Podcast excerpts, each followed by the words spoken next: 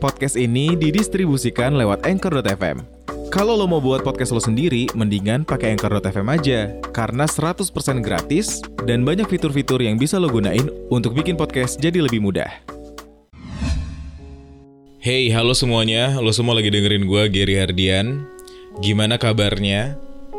Orang-orang yang dengerin podcast gue cuman kalau lagi pengen mau tidur. gue ini lagi pengen ngebahas sesuatu hal yang berhubungan dengan pengembangan diri kita sendiri. Tujuannya supaya kita makin kenal dengan diri sendiri dan semakin dalam kita mengetahui apa yang sebenarnya terjadi di sekitar kita. Sehingga kita memiliki pemahaman lebih terhadap masalah-masalah yang kita hadapin. Setelah dengerin pembahasan kita hari ini, gue harap lo bisa punya sesuatu yang pengen didiskusiin dengan gue di DM Instagram. Jadi kita diskusin hal-hal yang mungkin belum lo ngerti atau ada hal yang mau lo tanya yang mungkin berkenan dengan hal lain juga. Klik aja link tree yang ada di description box ya. Gue lagi pengen ngomongin soal apa itu self labeling yang sebenarnya episode kali itu uh, lanjutan dari episode kemarin yang ngebahas tentang self sabotage atau sabotase diri yang di dalamnya juga terdapat salah satu bentuk sabotase itu yaitu self labeling atau memberi label pada diri sendiri. Self labeling yang dimaksud adalah ketika kita melakukan penilaian terhadap diri kita sendiri kita ngelihat bagaimana cara kita memandang diri kita secara subjektif sehingga membuat kita merasa nggak bisa melakukan hal lain di luar label yang kita kasih ke diri kita sendiri tersebut. Seakan-akan membuat kita terperangkap dan mengalami kesulitan untuk berkembang jadi seseorang yang memiliki kemampuan lebih yang kita pikir itu berada di luar kemampuan kita. Nah, seperti yang sempat disinggung di episode sebelumnya, salah satu bentuk dari self-labeling adalah ketika kita ngerasa mungkin kita itu introvert. Jadi kita merasa diri kita nggak bisa ngomong di depan publik. Bisa juga mungkin gara-gara zodiak. Kita merasa kita misalnya zodiak A gitu ya, yang katanya zodiak A itu nggak bisa setia sama satu orang. Atau zodiak B yang katanya anaknya klingi banget gitu. Ada juga yang melakukan self labeling dari tes personality yang pernah dia temukan di internet, kayak misalnya MBTI. Karena kita merasa diri kita INFJ misalnya, kita jadi nggak bisa bercanda kalau ngomong sama orang maunya serius-serius mulu gitu. Atau yang lebih sederhana, kadang kita ya sekadar bilang ke diri sendiri kalau kita tuh nggak bisa apa-apa. Kita bilang, ah gue mah anaknya nggak kreatif, atau gue emang ya inilah nasib anak nggak good looking gitu atau orang tua kita bisa juga ngasih label ini misalnya kayak kita tuh dicap pemales, dicap nakal sama orang tua atau orang terdekat kita gitu. Ya akhirnya ngebuat kita percaya bahwa label-label itu adalah bagian dari diri kita dan nggak bisa dibenerin lagi gitu. Penyebab kenapa kita melakukan self-labeling atau memberi label pada diri kita sendiri itu biasanya ketika kita sedang dalam perjalanan menemukan diri sendiri.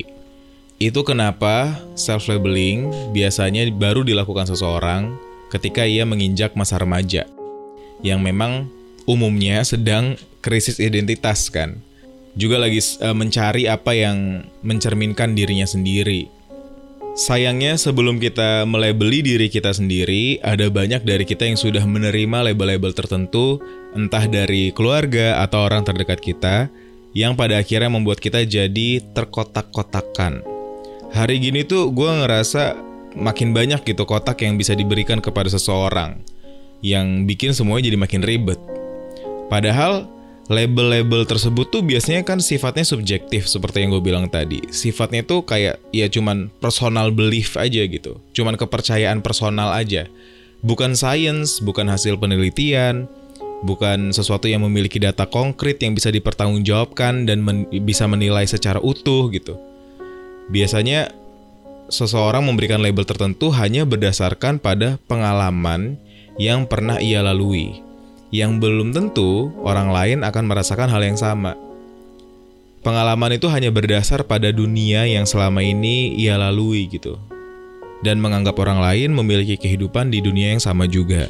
Jadi belum tentu ada hal yang krusial, yang fundamental sehingga bisa menjadi dasar dari label tersebut sehingga layak buat dipercaya penuh.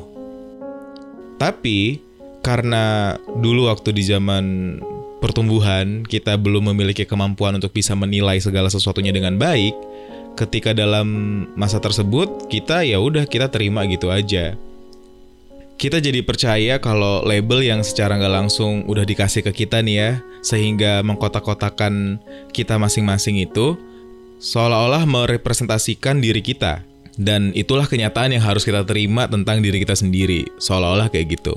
Yang sebenarnya kan ya sebenarnya nggak salah sih kalau kita berusaha mengenali diri kita dan akhirnya tahu kalau mungkin oh ternyata kita anaknya introvert.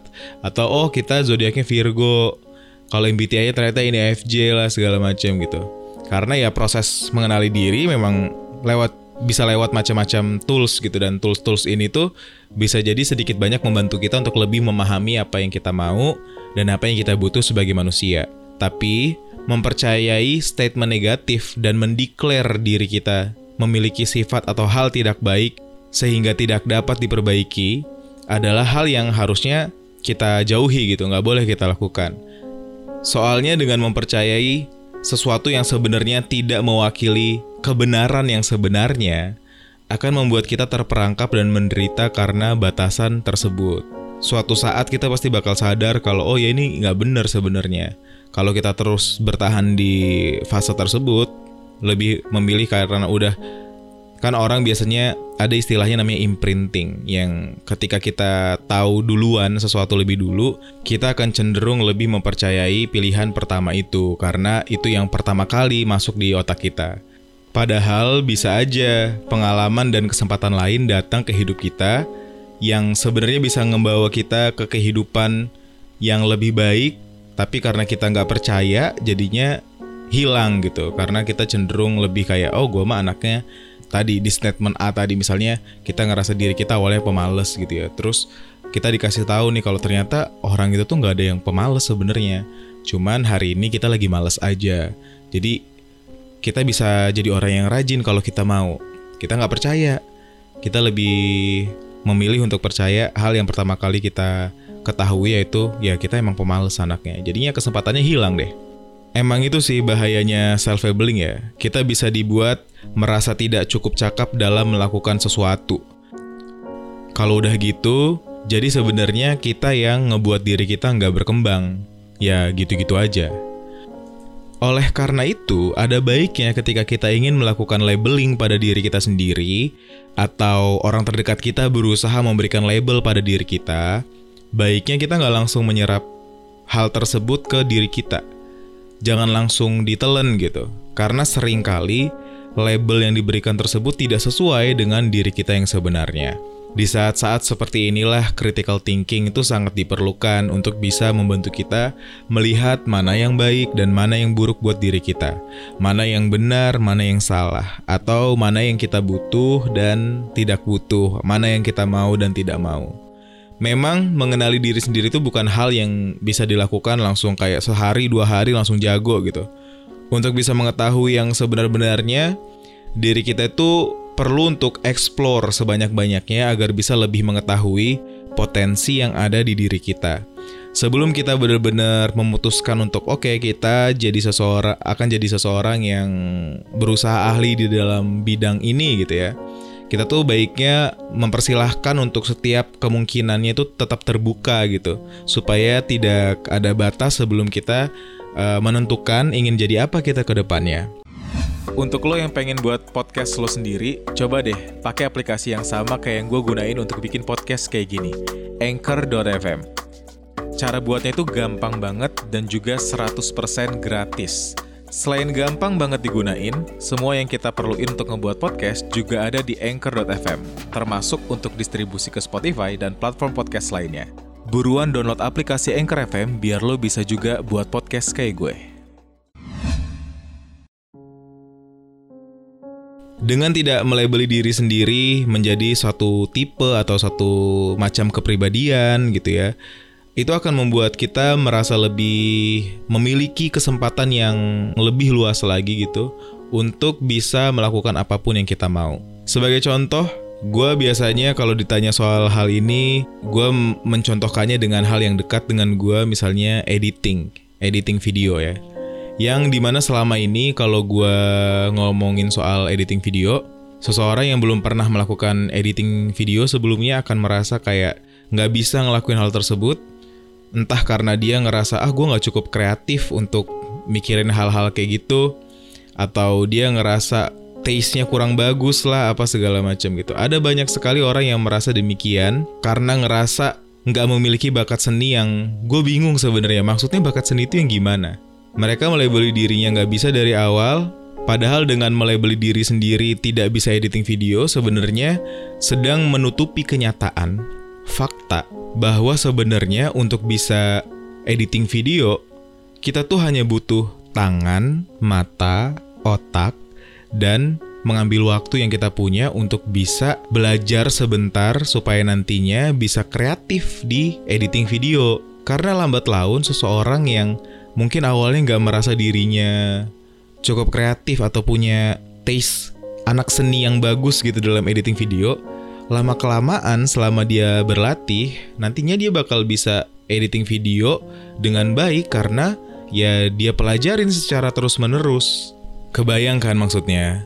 Karena label apa pun entah dari tes kepribadian atau dari ya zodiak atau apa pun itu yang diberikan ke diri kita sebaiknya digunakan hanya untuk mengenali diri kita sendiri ketika kita udah tahu siapa diri kita, baik dan buruknya kita, ya kita tuh harus bisa improving diri kita.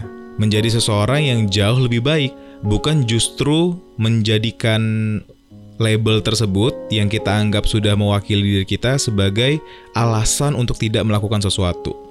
Contoh lagi, gue mungkin kayaknya pernah cerita deh kalau gue dulu pernah jadi penyiar di salah satu radio yang ada di kota gue. Terus gue tuh jadi orang terakhir atau penyiar terakhir yang diperbolehkan on air karena selama fase training gue nggak cukup cakap sebagai seorang penyiar. Itu disebabkan karena sebelumnya gue nggak punya basic public speaking sama sekali.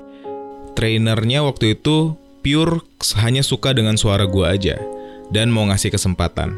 Karena hanya itu kelebihan gue, jadinya gue training tuh paling lama dalam satu angkatan gue tuh orang terakhir yang uh, naik siaran. Hal itu gue sadarin karena gue adalah seorang introvert yang emang sulit untuk memulai pembicaraan, yang emang sulit untuk public speaking. Boro-boro siaran ketemu sama pendengar gitu kan. Kalau misalnya ada orang baru datang aja, gue harus butuh proses adaptasi itu gue sadarin sekitar tahun 2014 waktu itu waktu gue siaran itu. Tapi kemudian gue nggak menjadikannya alasan untuk tidak bisa menjadi seorang penyiar.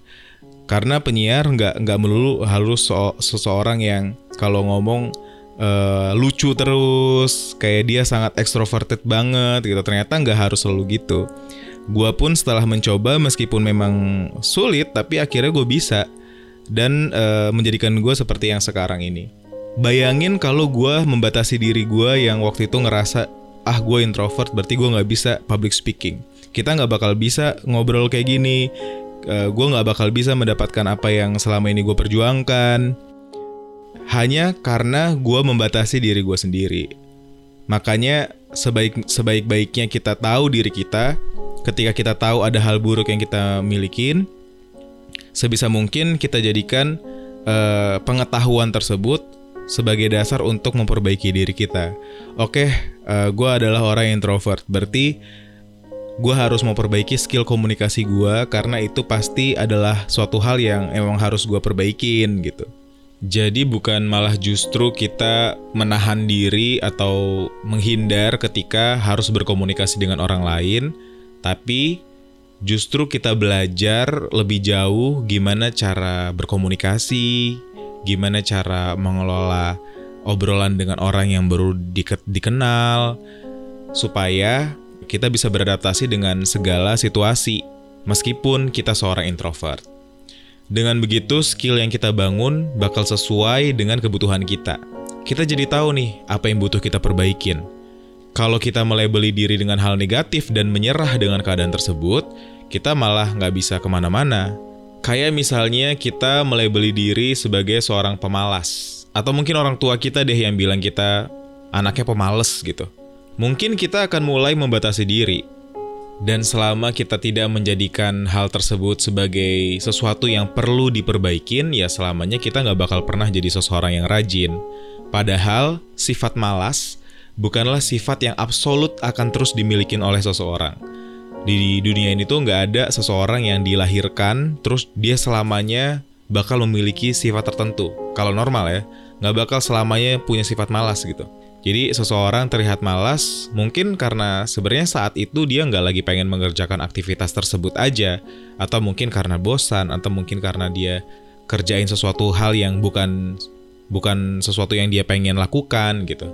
Jadi rasa malas di hari ini itu nggak membuat seseorang akan menjadi malas di lain hari juga, kecuali ia mengizinkan hal tersebut terjadi.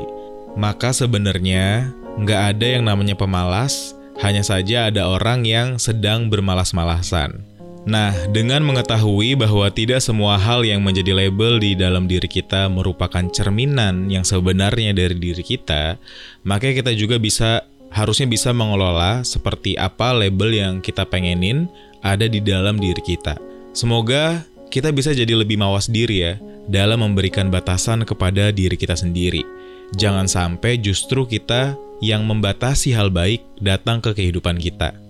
Kalau emang ingin memberikan label pada diri sendiri, berikanlah label yang tujuannya untuk membuat kita jadi seseorang yang lebih positif. Berikan label-label positif yang bisa kita temukan untuk membuat diri kita jadi lebih semangat dalam mengembangkan diri kita sendiri. Kalau kamu gimana? Label apa yang selama ini pernah kamu kasih ke diri sendiri sampai ngebuat kamu ngerasa dirugikan atas label tersebut? Cerita di DM Instagram ya.